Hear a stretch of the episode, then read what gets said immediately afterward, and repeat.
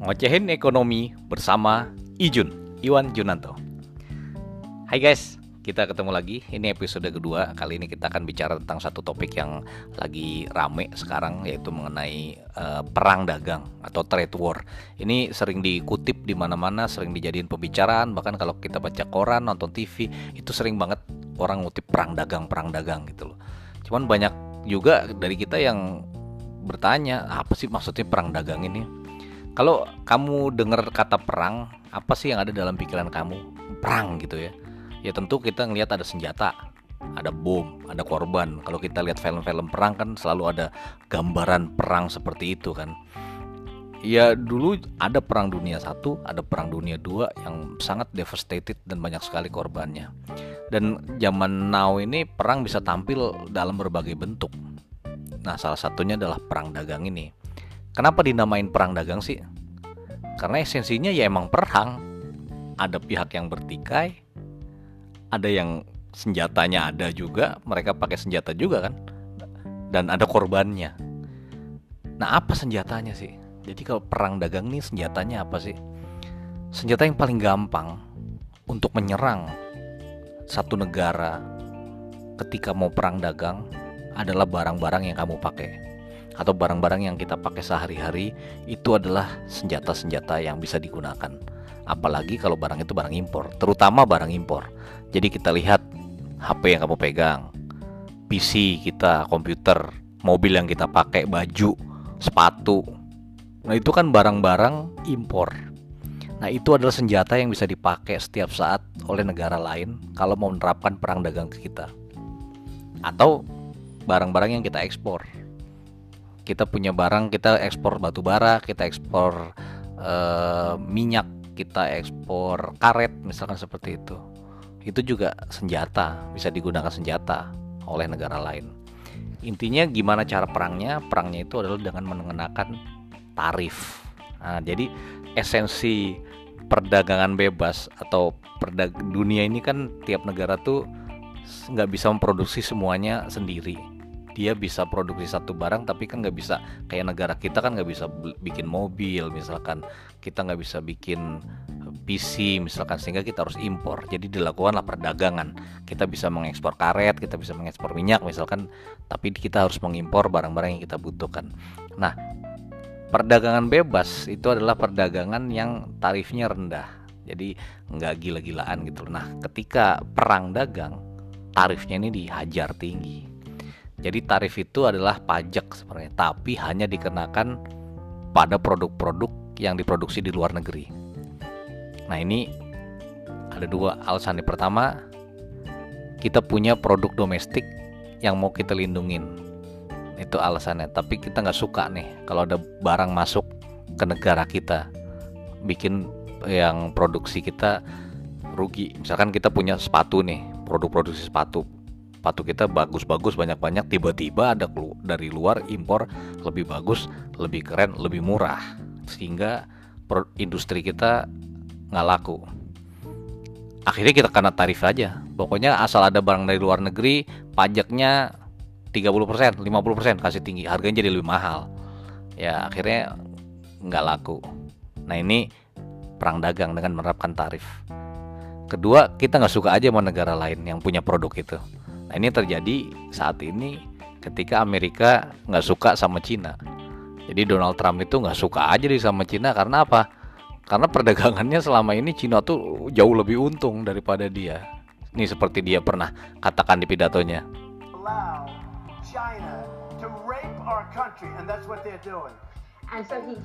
Nah, Trump itu tidak menginginkan Cina mengambil negaranya itu ya gimana nggak suka ya Cina tuh tumbuh lebih cepat gitu kan GDP itu melejit jauh dan sekarang jadi salah satu negara uh, sub adidaya superpower dan eh, Amerika langsung menerapkan tarif yang tinggi terhadap barang-barang Cina. Jadi pada Juli 2018 Amerika langsung menerapkan tarif 25% untuk 34 miliar produk 34 miliar dolar produk-produk dari Cina. dihajar tarif 25%. Semua barang Cina langsung harganya jadi mahal. Jadi artinya nggak laku kan? Ya Cina tidak bisa menerima begitu aja. Dia balas dua kali lipat. Dibalas dua kali lipat, sama Amerika dibalas lagi tiga kali lipat. Jadi perangnya gitu. Sikat-sikatan tarif. Tapi akhirnya siapa yang untung, siapa yang rugi? Ya dua-duanya mestinya rugi akhirnya kan. Karena petani-petani di Amerika itu produksi kedelai produk ekspornya hanya ke Cina. Dan Cina menerapkan tarif paling tinggi untuk kedelai Amerika.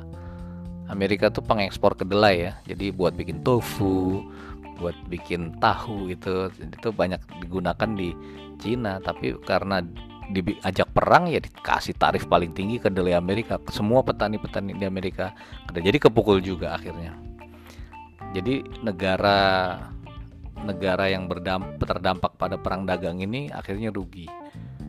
Kemudian dampaknya bisa berdampak kepada negara-negara lain. Karena ketika transaksi perdagangannya semakin berkurang ketika tarifnya tinggi transaksi perdagangan akan makin kurang. Akhirnya banyak perusahaan-perusahaan harus tutup ketika perusahaan tutup pengangguran meningkat. Nah, ini korbannya. Pengangguran meningkat, kejahatan sosial, masalah-masalah sosial, jadi ada korban. Bisa ada korban meninggal juga karena karena sosial itu dia. Nah, ini dampak dari perang dagang tadi. Dan akhirnya berdampak ke negara-negara lain karena perdagangan kan tidak hanya dua negara.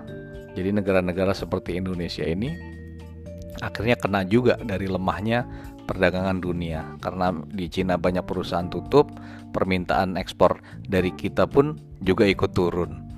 Permintaan ekspor kita ke Amerika juga ikut turun. Dan Amerika mengenakan sanksi ke semua negara nggak hanya Cina.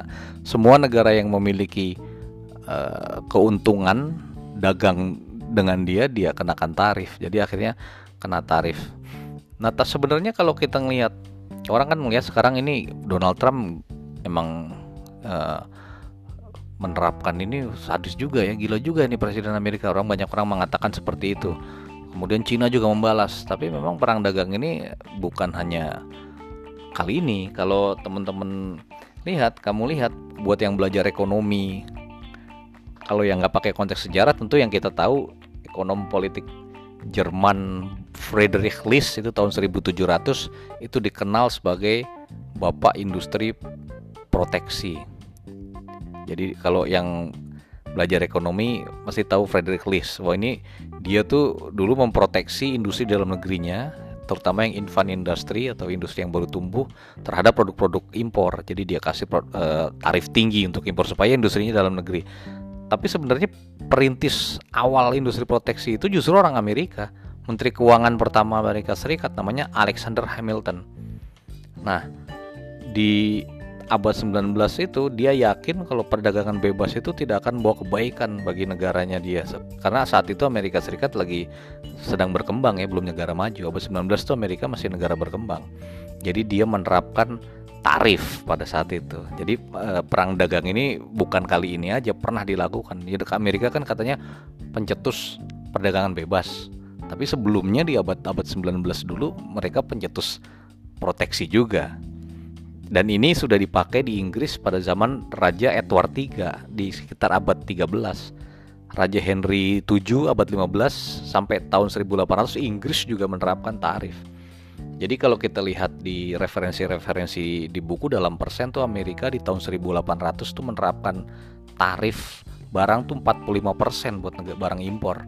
Tahun 1875 tuh 50% malah dia terapkan sampai tahun 31 Amerika masih protektif terhadap artinya masih menerapkan perang dagang terhadap negara negara saingannya dan di Inggris itu sampai tahun 1820 mereka masih menerapkan tarif sampai 55 persen.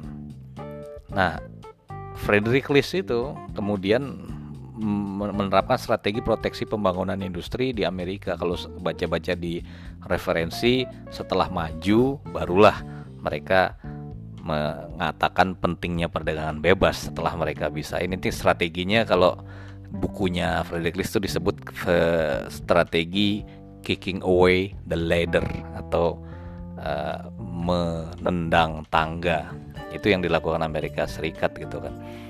Bukunya yang ditulis oleh Frederick List kalau saya bacakan di sini adalah siasat yang sangat umum dipakai ketika seseorang telah mencapai puncak kejayaan, ia tendang tangga yang ia pakai untuk memanjat. Ia lenyapkan tangga itu agar pihak lain tidak bisa mengejarkan, mengejarnya. Di situlah ajaran kosmopolitan Adam Smith. Nah, jadi uh, ini tulisan dari Frederick List tentang kebijakan tentang tangga. Tapi itu sebenarnya sejarah ya. Kemudian e, berkembang lagi sekarang kita lihat bagaimana perang dagang itu terjadi lagi dan e, telah kita lihat merugikan banyak negara. Kita lihat sekarang perekonomian dunia ini lesu termasuk perekonomian Indonesia. Tapi Indonesia ini e, alhamdulillah kita punya e, kekuatan imunitas. Karena apa? Karena kita masih terisolir dalam arti tidak terbuka perdagangan bebasnya jadi ekonomi Indonesia ini masih bisa tumbuh 5% bahkan. Artinya tidak terkena langsung anjlok gitu. Banyak negara yang langsung anjlok ketika terkena perang, dampak perang dagang ini.